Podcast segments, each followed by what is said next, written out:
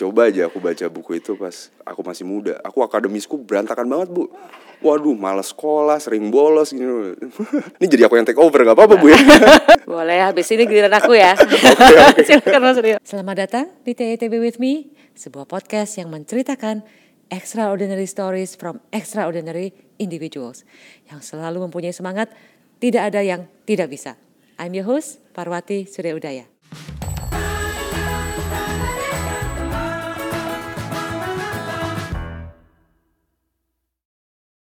Selamat datang di ETB With Me. By the way juga makasih bu udah dikasih kesempatan bisa ada di TAETB With Me Podcast. Aduh, ini edisi spesial buat ulang tahun nih. Eh, Rio di sini di spesial sekali nih.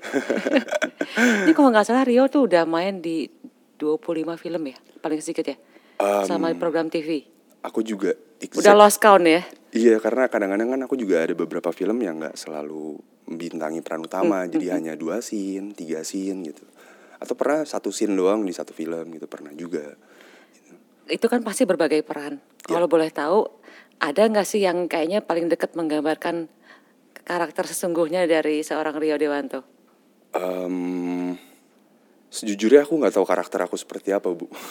Tapi Oke. malah kebanyakan peran-peran itu yang akhirnya secara semakin aku dewasa mereka yang yang ngebimbing aku untuk jadi manusia gitu kayak jadi Jadi malah membentuk ya. Iya, kayak kumpulan peran ini tuh kemudian banyak ngasih masukan, banyak ngasih banyak ngasih insight, input ke dalam hidup aku yang kemudian akhirnya ya jadi aku sekarang ini gitu. Ya. Wow. Oke, nah, wah nanti harus banyak di-share nih ya. Sama ini ngomong-ngomong, ini baru tanggal 30 Maret kalau nggak salah tuh Hari Perfilman Nasional ya. Iya, betul. Em, maksudnya terima kasih juga nih ya untuk uh, Mas Rio dan juga insan perfilman. Ya. Memang kan bukan dunia film itu kan bukan hanya entertainment ya. Betul. Termasuk edukasi, bagaimana kita lebih uh, cinta alam Indonesia lagi. Terima kasih atas semua upayanya dan sekarang ya gara-gara pandemi pasti semua lagi Ya. banyak challenge juga ya. Iya, ya. Ya mungkin bukan hanya di dunia film aja, mungkin dampak pandemi ini kan eh, hampir merata ya ke semua kalangan dan juga pekerjaan manusia gitu. Em, memang sampai detik ini film masih cukup struggling karena terutama bioskop karena ya ruang tertutup, kemudian eh, pembatasan jumlah penonton, eh, jadinya juga banyak juga rumah produksi atau production house yang masih menahan konten mereka untuk tayang, masih menunggu melihat kondisi pandemi ke depannya seperti Iya. apa gitu.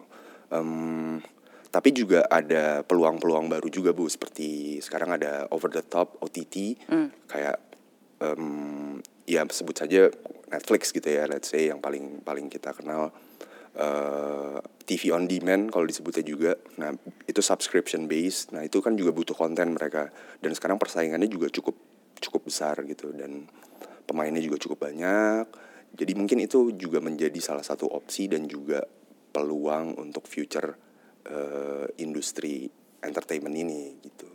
Jadi memang sepakat sekali ya, harusnya setelah semua cobaan yang luar biasa ini, bukan saja industrinya akan pulih cepat, tapi juga jadi lebih baik. Ya. Banyak channel lain, Benar. banyak platform lain ya. Iya, betul. Ya, sama di perbankan juga gitu, kita belajarnya banyak sekali, harus berubahnya banyak sekali. Apalagi kalau ngelihat OCBC NISP gitu ya. Mungkin karena aku pernah pernah pernah dapat kesempatan gitu. Sekali lagi juga makasih memainkan almarhum Bapak gitu, Bapak Karmaka. Eh OCBC NISP, NISP tuh dulu kan perjalanannya panjang Bu ya dari tahun 48 terus kemudian ada aja kan kayak rintangannya udah melalui banyak sekali kan cobaan kan. Jadi mungkin pandemi ini ya pastinya berat tapi saya yakin OCBC NSP pasti bisa melaluinya karena udah udah banyak rintangan juga yang dilewatin selama ini bener nggak bu? Amin.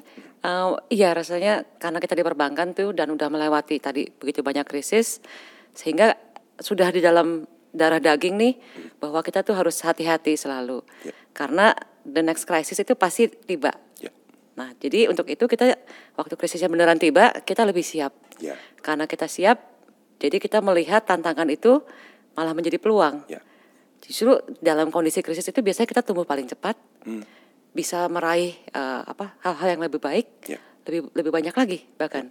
Jadi betul-betul kita harus siap ya. Iya. Dan itu tidak ada yang tidak bisa. Benar-benar setuju. nah ngomongin tidak ada yang tidak bisa nih mungkin banyak banget teman-teman yang nonton gitu. Hmm. Ini jadi aku yang take over nggak apa-apa bu ya. Boleh. aku lebih suka soalnya ngobrol dua arah Silakan, gitu. silakan Karena aja. pasti aku juga be- belajar juga dari ibu gitu. Em ya TAYTB atau tidak ada yang tidak bisa mungkin kalau orang-orang lihat ini hanya semacam slogan kah atau hanya tagline. Tapi kalau aku yang menjalani pertama kali itu aku baca bukunya kan. Buku tidak ada yang tidak bisa itu. ya kan? Sebelum mulai filmnya harus Sebelum- baca bukunya. Justru aku dikenalinnya sama bukunya dulu. Oh, bukunya dulu, Bukunya oke. dulu sama Terus? PH Emotion itu. Oke. Terus dari situ baru akhirnya aku tahu, oh ternyata ada Bapak Karmaka dan juga Ibu Lim gitu eh, membangun bank in- ini. Terus kemudian ya kalimat tidak ada yang tidak bisa tuh memang menjadi kalimat apa ya udah mendarah daging bener ya? Jadi ya kalau cerita tidak ada yang tidak bisa itu itu bukan hanya di kantor ya. Iya. Jadi saya dari kecil tuh di rumah itu sehari-hari tuh yang tidak ada yang tidak bisa tuh udah makanan Iya. sehari-hari. Dan bukan hanya untuk anak-anak, bukan hanya untuk staf di kantor ya. Iya. Yang mau pembantu semua juga sama. Jadi kalau ada yang bilang ini nggak mungkin, ini Iya. nggak bisa, terus ayah ibu tuh cuma ngeliat udah dicoba. Kalau dia bilang udah berapa kali gitu kan, Iya. coba lagi gitu kan. Jadi intinya em, tapi itu kan sangat sangat apa membantu juga ya. Jadi benar-benar can do spirit gitu loh. Benar-benar nggak ada yang nggak bisa gitu loh. Iya. Dan itu pun eh, bukan maksudnya saya bersyukur ya generasi saya sudah dapat dan juga kita teruskan ke generasi berikutnya. Iya. Jadi mereka dalam kesulitan seperti apa pun namanya hidup kan pasti aja ada ya kesulitan. Mereka tuh selalu punya semangat ya. Gak ada yang nggak bisa. Iya. Coba lagi, coba lagi gitu loh. Iya. Jadi eh, kalau buat saya itu udah sehari-hari itu setiap hari seperti itu sih. Jadi bukan hanya semboyan aja ya. Makanya waktu termasuk nih waktu teman-teman bilang untuk bikin podcast TITB with me ini, buat saya tuh nggak mungkin gitu loh. Eh, mana nggak ada hubungannya sama kerjaan saya, caranya gimana? Saya orangnya sangat introvert, kayaknya nggak mungkin bisa gitu loh. Tapi ya kemakan sendiri juga kan tidak ada yang tidak bisa Benar, gitu iya, ya. iya, Iya betul. Dan itu kan ya spirit yang Bapak jalanin dari dulu kan almarhum kan. Iya, iya sih. Iya kan? Selama niatnya baik untuk menginspirasi anak-anak muda gitu kan. Ya, saya jadi ingat lah anak-anak saya selalu ngomong, "Mami, don't do it for you." Apa? Do it for others katanya. Ya. Ya udah kalau begitu ya udah harus gitu kan. Ternyata anak-anak juga udah udah ini ya. Maksudnya mereka pun juga dengan sendirinya punya spirit yang sama ya. Wah, itu bahkan dia tularin ke teman-temannya. Wow. Jadi dia juga aktif di organisasi, anak saya nomor tiga itu. Malah dia pakai spirit, spirit itu gitu loh. Iya. Tidak ada yang tidak bisa, semuanya semua tidak ada yang tidak bisa. Dia bilang, itu berhasil juga katanya. dia organize event yang kayaknya nggak mungkin, tapi semuanya terus mencoba Iya. sebisa mungkin. Eh ternyata bisa gitu loh. Jadi memang kan TITB ini bisa mendorong kita untuk melakukan sesuatu yang kayaknya kadang kita membatasi diri ya, berasumsi pasti tidak bisa. Jadi betul-betul bisa eh, apa membuat seseorang mengembangkan dirinya sepenuhnya ya harapannya ya. Iya benar. Kadang-kadang asumsi kita sendiri yang ngebuat Iya. kita, ya kan? Kita nggak mau maju ke depan gitu. Betul Iya. sekali sih. Iya. Jadi kalau balik tadi ke bukunya, udah dibaca tuh, terus persiapan pendalaman karakternya tuh jadi seperti apa, berapa lama? Nah, salah satunya kan waktu itu saya sempat ke rumah yang di Bandung Iya, gitu iya. kan. Ya. Makan bubur. Makan bubur, ya, saya masih inget kan makanya. Saya itu kalau- buatan rumah itu buburnya nggak Iya, ada iya. di toko loh, enak Iya, sekali. Saya inget banget, makanya pas ibu kemarin nanya eh makanannya apa yang paling disuka. Aku inget gitu kalau hal-hal yang udah lama tuh aku inget, tapi kalau yang deket-deket malah aku emang short memory loss banget bu, maaf ya bu. Eh, nah di rumah juga aku inget di waktu itu aku sempat izin sama ibu, aku bilang "Eh, boleh nggak? Soalnya menurutku menarik aja di kulkas rumah tuh buatku kulkas rumah orang itu adalah hal yang paling personal karena se- hampir Oh. setiap hari kan kita buka kulkas terus Oke. ya kita sering lah ada di ada dan melihat itu gitu. Nah di kulkas rumah ibu tuh aku inget banget ada tempelan-tempelan eh harus tersenyum ya terus kemudian 10 kiat kunci sukses sama eh, satu lagi kayaknya aku masih ada fotonya deh aku buka bentar Iya ya itu ibu saya tuh um, memastikan semua stafnya ya itu harus hafal loh. Untung anaknya nggak disuruh menghafal. ini bukan Iya iya betul itu. Iya kan? Betul. Sepuluh ya. Ya ampun. Delapan aku- manfaat senyum sama Oke. 10 kunci sukses. Aku harus bilangin pada ibu saya. Iya. Dan Diterapkan nggak? diterapkan banget. Maksudnya ini ini menurutku penting banget sih untuk di-share sama Oh, teman-teman oke, ya. oke, Ya oke. nanti aku aku share juga sih. Maksudnya ini apa ya pegangan hidup yang ini ya as a human aja. Maksudnya sebagai manusia ya memang kita harus menjalankan hal-hal ini gitu dan kemarin ibu bilang iya itu kita memang dari kecil di brainwash gitu ya memang tapi sepertinya ya bapak menerapkan ini di rumah. Saya yakin karena memang dia pengen anak-anaknya juga juga ya menjadi manusia yang seutuhnya gitu kan yang menghargai manusia lain. Ya tadi kayak anak ibu juga akhirnya dia berpikir bahwa hidup bukan untuk diri sendiri tapi untuk orang lain gitu. Jadi waktu pendalaman karakternya, soalnya saya ngebayangin, saya ingat ada satu teman itu waktu dia terima buku tidak ada tidak bisa itu, dia bilang, terus dia ketemu minta ketemu, ya dia ketemu dia bilang, ini bener bukunya, ayah kamu bener-bener semuanya ini, iya emang kenapa? Saya bilang, maksudnya saya tuh harus bersyukur bener ya kalau maksudnya benar-benar jatuh ditimpa tangga, ditimpa entah apa lagi gitu loh. Begitu banyak yang bertubi-tubi kok masih bisa terus bertahan gitu ya. Iya. Jadi saya bilang justru memang ayah itu kan awalnya niat eh, adanya buku itu kan bukannya untuk apa-apa tapi untuk membantu memotivasi orang gitu kan. Iya. Bahwa eh udah seperti ini pun yuk kita pasti bisa. Iya. Kita bisa lebih maju, kita bisa bangkit gitu loh. Iya. Jadi lebih untuk pembelajaran gitu kan. Iya.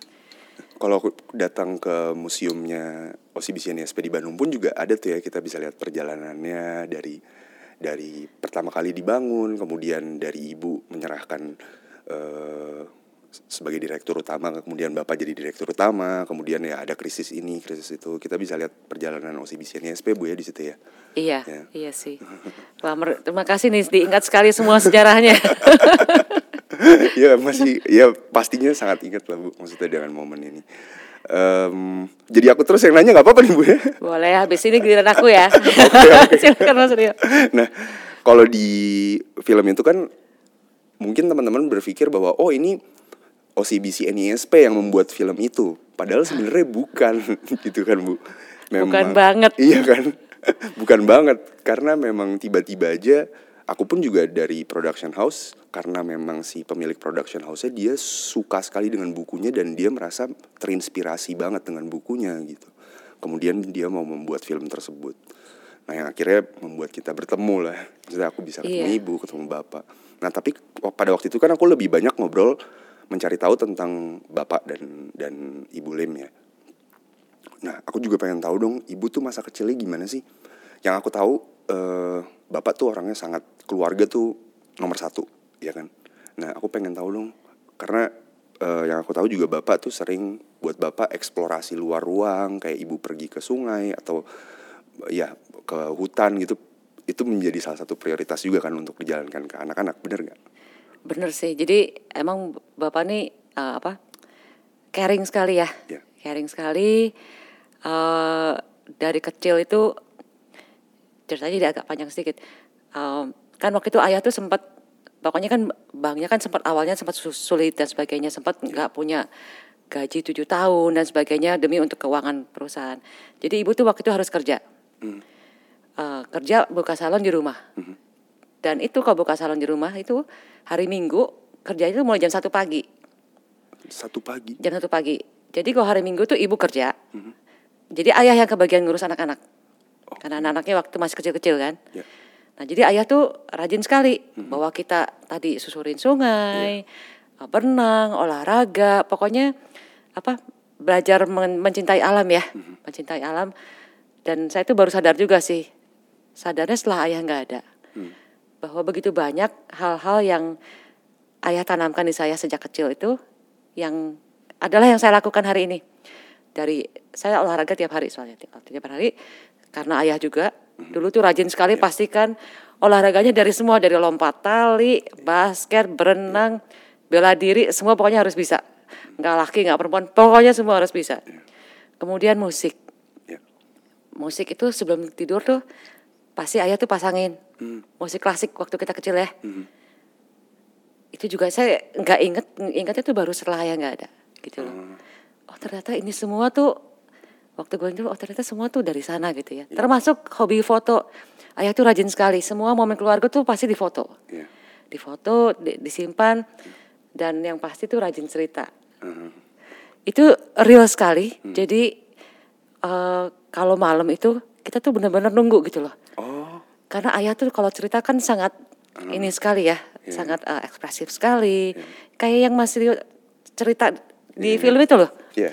Momen-momennya itu tuh buat saya tuh itu sehari-hari seperti itu. Oh, oke. Jadi Berarti dia good storyteller banget ya. Very good storyteller, very caring. Iya. Tapi juga he's a he's a very uh, dia kan guru ya. Guru, kebetulan kakek juga guru. Iya. Jadi bahkan saya tuh baru ngeh, oh ya, saya dulu belajar ngetik pun dari ayah. Iya. Belajar bikin surat pun dari ayah. Jadi bisa ayah kerja di mejanya di rumah itu, saya di meja belakangnya min- minjem mesin ketik ya. Sambil ayah ngajarin gini loh cara ngetik gitu loh. Gini loh kakak mau cara bikin surat. Itu saya baru tuh baru baru nggak tuh setelah tapi setelah ayah nggak ada ya. Jadi setelah itu tapi ya kembali ya semuanya disyukuri lah ya. Iya, betul. Eh, Tapi ayah tuh memang eh, sangat-sangat inilah, sangat-sangat caring. Iya. Dan pendidikan tuh buat ayah juga nomor satu kan. Mau anak perempuan, laki-laki, semua. banget. Iya. Pendidikan itu nomor satu. Dia selalu bilang bahwa eh, anak laki anak perempuan harus sekolah setinggi tingginya. Orang tua tidak punya kewajiban apa pun juga memberikan kepada anaknya kecuali pendidikan. Iya.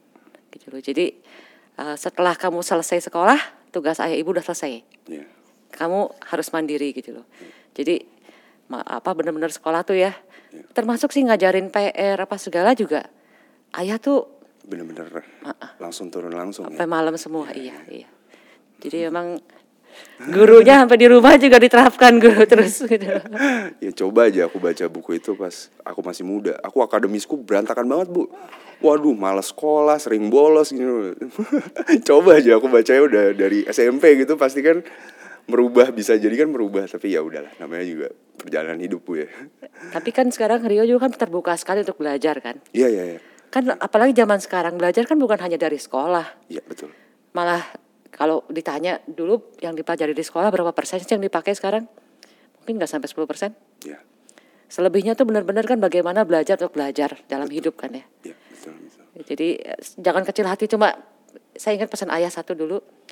Kamu tuh harus baca buku.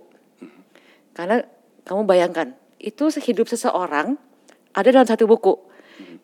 Pengalaman hidup puluhan orang itu kamu bisa baca dalam beberapa jam. Alangkah bodohnya kamu kalau nggak mau baca buku. Bener juga ya. Jadi ayah tuh dulu kalau Sabtu malam minggu jalan-jalan itu hanya bawanya ke toko buku. Toko mainannya mungkin eh, misalnya pergi 10 kali, toko mainannya mungkin sekali. Iya iya. Selebihnya tuh toko buku. iya. Dan itu saya jalankan tuh sampai anak saya juga sekarang. Iya. Tapi sedih banget beberapa toko buku sekarang udah ada yang tutup ya. iya sih. Sekarang nyari toko buku emang susah makanya nyari, Iya. cari bu- toko bukunya di online. Online. Iya. Tapi maksudnya ya betul-betul ya harus Iya. buku itu memang Bener sih. pembelajaran lah, pembelajaran intinya kan pembelajaran. Aku juga mencoba menerapkan itu sih ke anakku. Maksudnya tiap malam bacain cerita, beli buku, iya. Itu tuh pasti diinget banget tuh. Iya. Satu lagi saya juga ingat waktu saya kecil itu ayah tuh kan sangat itu bondingnya kan kuat sekali. Iya. Jadi kita gi- giliran mau naik di pundaknya ayah. Jadi dia bisa puter-puter gitu semua. Wah itu sampai sekarang masih inget banget tuh. Emang ayah tuh luar biasa sekali sih. Iya. Sekarang giliran saya ya. Iya bu, silakan. Jadi kalau ada moral cerita dari film Love and Faith yang Rio ambil, yang mungkin memberikan life impact kah eh, dalam keseharian atau cara cara berpikir dari seorang Rio Dewanto, boleh di-share? Em, aku mungkin hampir sama sama ibu. Awalnya dulu orangnya introvert, lebih nggak pedulian malah kadang-kadang. Tapi eh, Love and Faith menjadi salah satu film yang ngebikin aku, oh ternyata gini ya, jadi orang jadi manusia gitu. Ternyata harus seperti ini ya. Karena eh, salah satunya ke keluarga gitu. Aku tuh cukup pasif banget sama keluarga.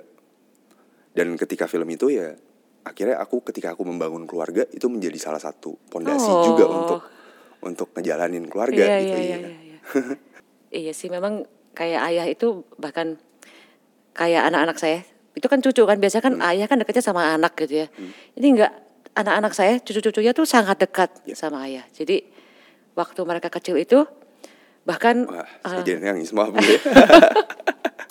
iya Oke. mereka yang um, yang bawa ke museum geologi, museum teknologi itu ayah, Ya. gitu loh. Jadi uh, makanya mereka tuh sangat dekat ya. Uh, waktu ayah kan beberapa tahun terakhir tuh ayah tuh kan di kursi roda. Ya. Terakhir aku ketemu juga kan ayah udah nggak bisa. Iya udah lebih, Udah, udah, ya. agak susah kan ya. Udah, ya. Kita tuh semua tuh sampai menyesuaikan gitu loh. Ya. Pokoknya mau ke mananya, mau kegiatan apanya, pokoknya semua harus sesuaikan dengan ayah saya gitu loh. Ya. Jadi uh, cucu-cucunya juga janjian kapan siapa ngangkat roda dan sebagainya gitu loh ya. Jadi benar-benar apa sangat sangat inilah ya sangat Iya. sangat kuat bondingnya. Tapi justru karena itu juga jadi uh, nggak pernah ada penyesalan lah ya. Ya, ya. betul. Uh, mereka selalu kenang dengan baik gitu loh. Ya, ya. Ya aku yakin mungkin kalau ayah nyaksiin sekarang pasti dia akan sangat seneng banget gitu kan. Melihat gimana OCBC NISP sekarang berkembang gitu. Nah Bu, kira-kira ada nggak sih momen yang yang sangat besar menurut ibu dan keluarga yang ketika momen itu terjadi, ibu kayak di hati kecil ibu tuh ada berharap, ah coba ayah bisa nyaksiin ini langsung ya gitu. Pasti waktu 80 tahun itu is a big thing ya. Karena Hmm. buat ayah uh, NSP atau OCBC NSP itu uh, di samping keluarga tuh OCBC NSP gitu loh. Iya. Jadi saya ingat waktu hari terakhir sebelum uh, ayah di rumah sakit dan setelah itu uh, pergi, Ya. acara terakhirnya itu adalah dengan para uh, teman-teman OCBC NSP. Hmm. Jadi acara pasincia gitu kan ini, pas Imlek datang uh, silaturahmi, itu acara terakhirnya. Padahal waktu paginya tuh ibu tuh udah bilang, ini nggak tahu nih ayah bisa ikutan apa enggak acara ini karena dari kemarin udah sakit terus, udah nggak bisa bangun, nggak ini dan sebagainya. Tapi pagi itu waktu saya datang, hai papi gitu loh. Dia semangat, hai Lik, nanti ada acara ya katanya. Dia sangat excited untuk mau ketemu teman-teman semua. Iya, iya, iya. iya. Dan dia tuh bisa stay throughout the event gitu loh. Uh, betul-betul apa attachmentnya tuh luar biasa ya. Iya, Jadi iya. kalau dia bisa melihat OCBC NSP 80 tahun ya. uh, tapi ayah selalu di situ kok. Ah, Iya, iya.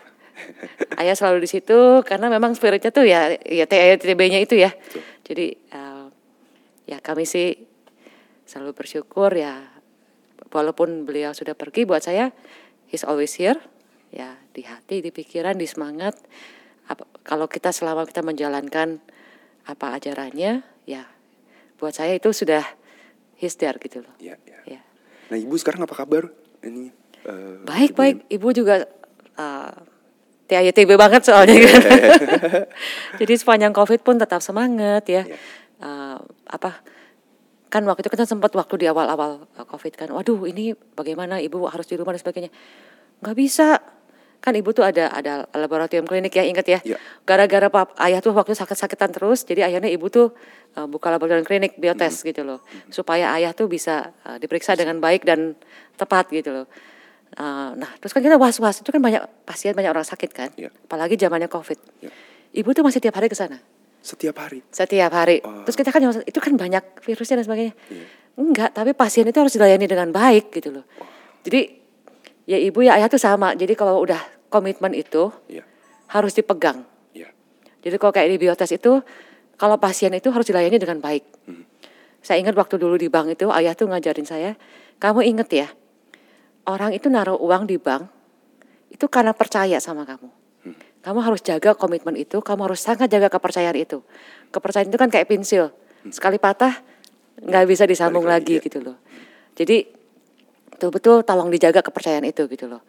Nah, jadi kita tuh ibaratnya di bank kalau kita memberikan pinjaman itu, Iya. kita harus bisa bayangkan ini uang akan kembali nggak ya nanti. Iya. Supaya apa? Karena itu kan bukan uang kita, itu kan titipan nasabah, titipan deposan, kita pastikan harus bisa kembalikan. Jadi di situ pun komitmen ya, menjaga kepercayaan itu udah benar-benar harus berakar banget gitu ya. Iya. Gitu loh. Jadi ya Tapi kalau tadi dengar cerita ibu hidup itu kayak pensil kata bapak. Iya. Itu kan indah banget ya kalimat itu. Kayak nggak banyak orang terfikirkan gitu bahwa hidup tuh kayak pensil ketika patah udah. Nah memang kita bisa melihat bahwa sosok bapak a good storyteller dan juga pendongeng dan pencerita gitu ya bu ya. Iya, Iya, iya banget sih. Ini kalau ngomong-ngomong eh, apa komitmen dan sebagainya, boleh tahu nggak kalau buat eh, Rio itu prinsip hidup, pegangan hidup kan Rio ini apa very successful ya. Maksudnya Wah, banyak sekali perannya juga, bukan hanya sebagai aktor, juga sebagai pengusaha dan sebagainya. Kira-kira prinsip hidup, pegangan hidup tuh apa sih yang Rio pegang dan jalani terus selama ini? Tidak ada yang tidak bisa. Yeay! Salah satunya itu.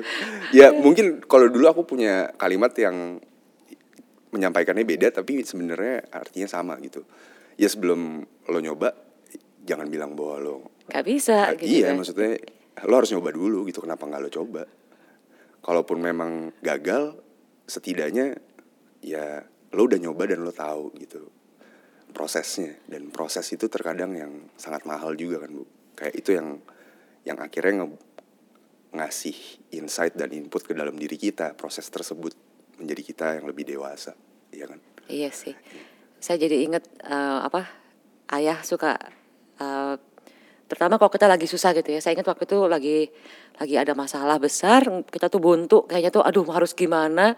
Muka tuh kayaknya mungkin udah ketekuk kali ya. Ayah lihat, terus dia senyum aja gitu loh. Dia bilang, "Eh, lagi ada masalah ya. Terus, eh, terus dia bilang, kok malah senyum gitu kan. Terus dia bilang, kamu itu kalau punya masalah itu harus seneng harus terima kasih, harus asik katanya. Terus maksudnya gimana kan? Kamu bayangkan, kamu kalau dapat masalah itu, kamu seperti kamu sedang diuji. Kalau kamu bisa menghadapi masalahnya, kamu lulus ujiannya, sama seperti kamu sekolah kan. Kalau sekolah, ujian, lulus, naik kelas kan. Atau lulus beneran kan. Jadi sama dalam hidup juga, dalam pekerjaan juga. Kok kamu menghadapi masalah, terus kamu diuji bisa jalan dengan baik artinya kamu akan diberikan kepercayaan lebih kamu akan diberikan tanggung jawab lebih gitu loh. Jadi kalau kamu dikasih masalah tuh mesti seneng iya. mesti asik gitu loh. Tapi itu tuh benar-benar membekas banget dan namanya hidup pasti kan banyak masalah ya. Jadi kita tuh semangat terus gitu loh. Iya. semangat terus dan ya udahlah pantang menyerah. Ada masalah asik. Iya bener awalnya sih menghibur diri ya tapi lama-lama biasa juga sih ya bener bu kayak hidup ya pasti kan kan ada aja masalah kan jadi kalau diberi masalah bersyukur Iya, kalau masalah kita malah stres gitu, stres terus terus umur hidup ya kan, bener ya? Oh, karena artinya belum lulus. Iya, gak lulus lulus. belum lulus katanya.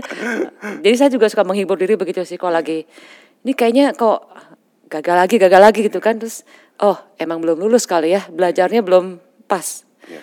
Tapi semua pasti ada waktunya. Ya kan kadang-kadang ya atau dalam bentuk yang berbeda gitu kan. Iya. Jadi ya nggak pernah boleh putus asa ya. Dan kembali lagi bahwa kalau udah bener-bener kita dead end gitu sama masalah, keluarga akan menjadi salah satu kunci untuk kita bisa rilis stres tersebut atau masalahnya, bener gak? Amat sangat. Jadi kalau eh, apa pembelajaran dari banyak orang juga ya. Saya ingat waktu itu baca dari eh, seorang yang begitu powerful pada satu saat, kemudian dia sangat terpuruk. Terus dia memberikan pembelajaran. Setelah dia naik kembali, dia bilang yang paling berharga dalam itu adalah keluarga. Ya, jadi makanya saya pun selalu mengingatkan juga ya pada eh, teman-teman di kantor semua harus selalu berimbang, harus selalu berimbang dan saling mengisi. Ya, karena keluarga itu kan adalah bukan pilihan ya, maksudnya udah diberikan begitu sama sama yang di atas ya. Jadi kita harus bisa jaga, kita harus bisa apa menjadi penyemangat kita bahkan ya, Iya, betul. gitu loh. Eh, kalau buat Rio sendiri yang paling apa strongly influence, yang paling memberikan influence paling kuat dalam hidup siapa Rio? Em, siapa ya? Ya mungkin bapak ibuku juga sih ya. Dan eh, orang-orang yang aku ketemu sepanjang aku hidup sih. Maksudnya terkadang ya kayak ibu nih. Pasti ada pengaruh terhadap kehidupanku ke depannya nantinya. Gitu. Aku pasti kan nih dari obrolan kita ini aku mendapat banyak input dan juga insight. Oh ya benar juga ya ibu ya. Kayak tadi pensil patah itu pasti akan akan membekas gitu di di benakku gitu. Jadi sama kayak tadi balik lagi ke pertanyaan yang ibu bilang bahwa karakter apa aku karakternya seperti apa gitu tapi setiap karakter yang aku mainin malah malah dia yang dia yang membuat Rio menjadi lebih utuh aja gitu Rio Dewanto nih yang yang saya Iya, iya, iya. gitu Tapi saya sepakat sekali sih. Em, jadi kalau saya suka ditanyakan. Jadi eh, panutan kamu siapa gitu kan? Mentor kamu siapa? Jawaban saya sebenarnya sama seperti itu. Hmm. Kayaknya semua orang tuh adalah menjadi guru kita gitu kan. Betul. Bahkan orang-orang yang paling jahat pun sama kita, mungkin kita belajar paling banyak dari situ. Iya. Iya kan? Jadi dari situ kita bisa terus berkembang, dari situ kita bisa oh ya ternyata bisa begini, oh ternyata bisa begitu gitu kan. Iya. Nggak mesti harus satu orang itu pasti benar 100% gitu kan. Iya. Jadi setiap momen uh, benar-benar apa pembelajaran seumur hidup ya. Bener, setuju, aku setuju banget. Iya ya sih. makanya ap- apalagi aku mikir dulu akademis aku kan berantakan ya. Oh ternyata hidup tuh bukan cuma sekedar di sekolah aja. Ya hidup sampai sekarang kita tetap belajar gitu, ketemu orang pun juga ketemu lingkungan baru, ketemu bersosial. Ya selalu akan ada pembelajaran baru gitu di hidup. Tapi betul-betul sekolah itu bukan segalanya. Maksudnya semoga anak-anak saya nggak denger ya. Ntar pada pada mabal sekolah lagi. Iya, iya, Jadi benar-benar. maksudnya eh, ayah tuh selalu mengatakan gitu. Memang pendidikan segalanya, tapi jangan dijadikan eh, patokan mati bahwa kamu kamu berpendidikan terus kamu sudah tahu segalanya. Iya. Bahkan sebaliknya gitu kan.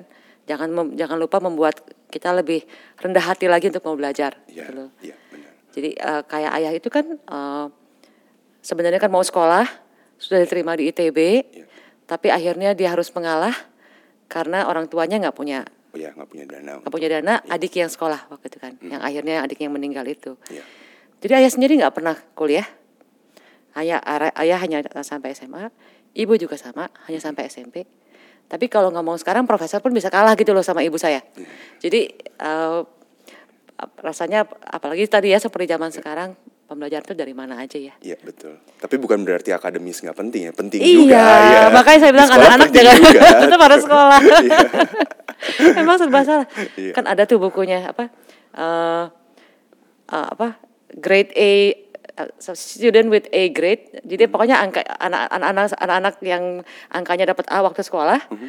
itu akhirnya bekerja untuk anak-anak yang angkanya B apa C gitu loh. Oh oke. Eh, jadi memang akademis itu bukan segalanya. Terus anak saya bilang, jadi gimana ya mami katanya. Terus sekolahnya gimana? Ya kamu tetap melakukan yang terbaik gitu loh. Kan itu kan salah satu sudut. Bukannya berarti bahwa kamu tidak bersekolah itu akan menjamin kamu lebih baik. Sebaliknya juga kamu men- bersekolah juga tidak menjamin lebih baik gitu kan. Yang penting kita mau belajar ya. Bener. Aku pikir ibu ngambil bukunya. Nah kayaknya kamu nanti aja baca bukunya pas udah selesai lulus sekolah. Hampir begitu, tapi kan terlam- terlambat. Anak sekarang belajar dari mana Iya, aja iya, iya, gitu kan. Betul betul. Tapi wah ini uh, uh, ya banyak sekali sih ya yang uh, komitmen yang terutama saya belajar dari orang tua sih ya. Mhm. Tapi terima kasih sekali loh Rio bisa apa membawa uh, semua pembelajaran ini ya. Iya, Bahkan sama-sama. ikut menjadi apa yang diterapkan juga ya. Iya ya, sama-sama. Saya juga terima kasih.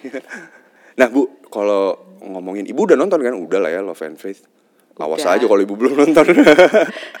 Harus tanyanya udah berapa kali? Oh, udah, udah, ya udah berapa kali? Udah berapa kali bu? Wah nggak hilang. Apa nggak nggak kehitung? Oh nggak kehitung? Nggak kehitung. Oke, nah aku boleh tahu nggak kalau rating dari 1 sampai 10 nih, kira-kira ibu ngasih nilainya berapa? Jujur aja, jujur. Dalam konteks apa? Dalam in general. Kalau sebagai film, Hmm. oh, kalau sebagai film sih, eh, tapi saya bias dong, Ya makanya jangan eh, sebisa mungkin lebih objektif. lebih objektif. Ya, Eh, Delapan? 8. Oke. Boleh tahu kenapa nggak 10? Mungkin karena saya tahu bahwa ada lebih dari itu gitu loh, Iya, iya. substansinya. Oke. Jadi maksudnya dramanya iya, Iya. tapi saya merasa ada yang nggak keluar gitu pesannya. Ah, ya. Makanya agak bias juga. Iya, iya. iya. Gitu. Gak apa-apa, Bu. Ada pesan-pesan yang kurang begitu tersampaikan. Ya. Iya, saya merasanya seperti itu sih. Maaf. Iya, Saya jangan maaf, lebih kurangnya maaf ya Bu ya kalau enggak lah, enggak lah, enggak lah, enggak bukan bukan bukan dari Rio nya kita sampai terus waktu saya nanya kan sama waktu itu sama saudaranya, kok cuma sampai di situ? Kayak misalnya anaknya kan waktu itu cuma dua terus loh saya anak keempat loh, jadi saya di mana gitu kan? Terus ya nanti itu itu kan ceritanya panjang sekali soalnya bu. Oke oke oke oke oke. Tapi maksudnya kita juga sangat sangat grateful lah ya. Tadi kan kalau ngomong memang ngomong ceritanya kan eh, apa pak yang emotion itu kan dia membaca buku itu di airport dia beli buku itu di airport waktu dia mau ke Singapura nunggu istrinya sakit kok nggak salah ya. Hmm. Dan buku itu yang memberikan semangat Ya. untuk dia ya. Ya. Jadi eh, makanya kita juga waktu ditanyakan boleh nggak buku ini difilmkan waktu itu. Ya. Kalau kita udah mendengar backgroundnya, kalau memang niatnya untuk memotivasi, untuk memberikan spirit yang begitu positif untuk semua orang, Ya. kenapa enggak gitu loh. Ya, tapi jadi sama sekali nggak ada hubungannya sama keluarga yang buat atau sama Iya, sekali iya, nggak ada hubungannya sama Bang NSP yang buat waktu itu. Memang memang benar. Saya Iya. juga saya tahu lah maksudnya proses itu gitu kan. Iya. Dan ketika saya ditawarkan filmnya pun juga saya cukup cukup eh, pemilih dalam memilih film atau peran yang saya mainin kan. Nah untuk memainkan film biopik gitu bu ya, eh, buat saya saya juga sangat memilih kan karena sebisa mungkin saya hanya memainkan satu karakter aja biopik kalaupun harus mainin gitu dan ternyata Pakar Maka menjadi salah satu perjalanan hidup saya di di dunia acting gitu untuk saya mainin perannya. Em, makasih lagi sekali lagi bu, thank you. Saya yang makasih sekali. Eh, Rio juga sudah sangat em, ya jadi betul lah. Saya bisa sekali melihat eh, banyak ayah saya di karakter yang Rio mainkan. Ya, jadi tadi makasih. dari cara ceritanya, dari cara relate ke keluarganya, ya seperti itu. Di kantornya waktu semangatnya, yang bicara depan guru dan sebagainya, itu seperti itu. Iya iya. Jadi terima kasih sekali sudah betul-betul bisa eh, apa mempotret dengan begitu baik ya Rio ya. Iya. Dan sekali lagi happy anniversary bu yang ke 80 Makasih, makasih. Kalau boleh saya eh, summary-kan tiga hal yang mungkin saya belajar dari Rio hari ini ya. Apa itu? Bu? Eh, kalau salah tolong dikoreksi ya. Yang pertama eh, tadi ya sebagai partnership itu kan saling mendukung, saling mengisi, betul-betul harus saling menguatkan. Betul. Nggak bisa jalan masing-masing. Ya. Ya, sinerginya itu harus terbangun. Ya. Dan yang kedua tadi ya pembelajaran yang luar biasa dan belajar itu kan dari semua, dari semua. Jangan membatasi diri ya. Ya. Dan yang ketiga yang pasti tidak ada yang tidak bisa. Iya. Makasih banyak ya Mas Rio kasih, ya. Mari. Sehat-sehat ya. Terima kasih sudah mendengarkan podcast TITB with me. Leave your comment atau feedback di Instagram saya @parwati surya udaya. Sampai jumpa di podcast selanjutnya dan live your life dengan semangat. Tidak ada yang tidak bisa.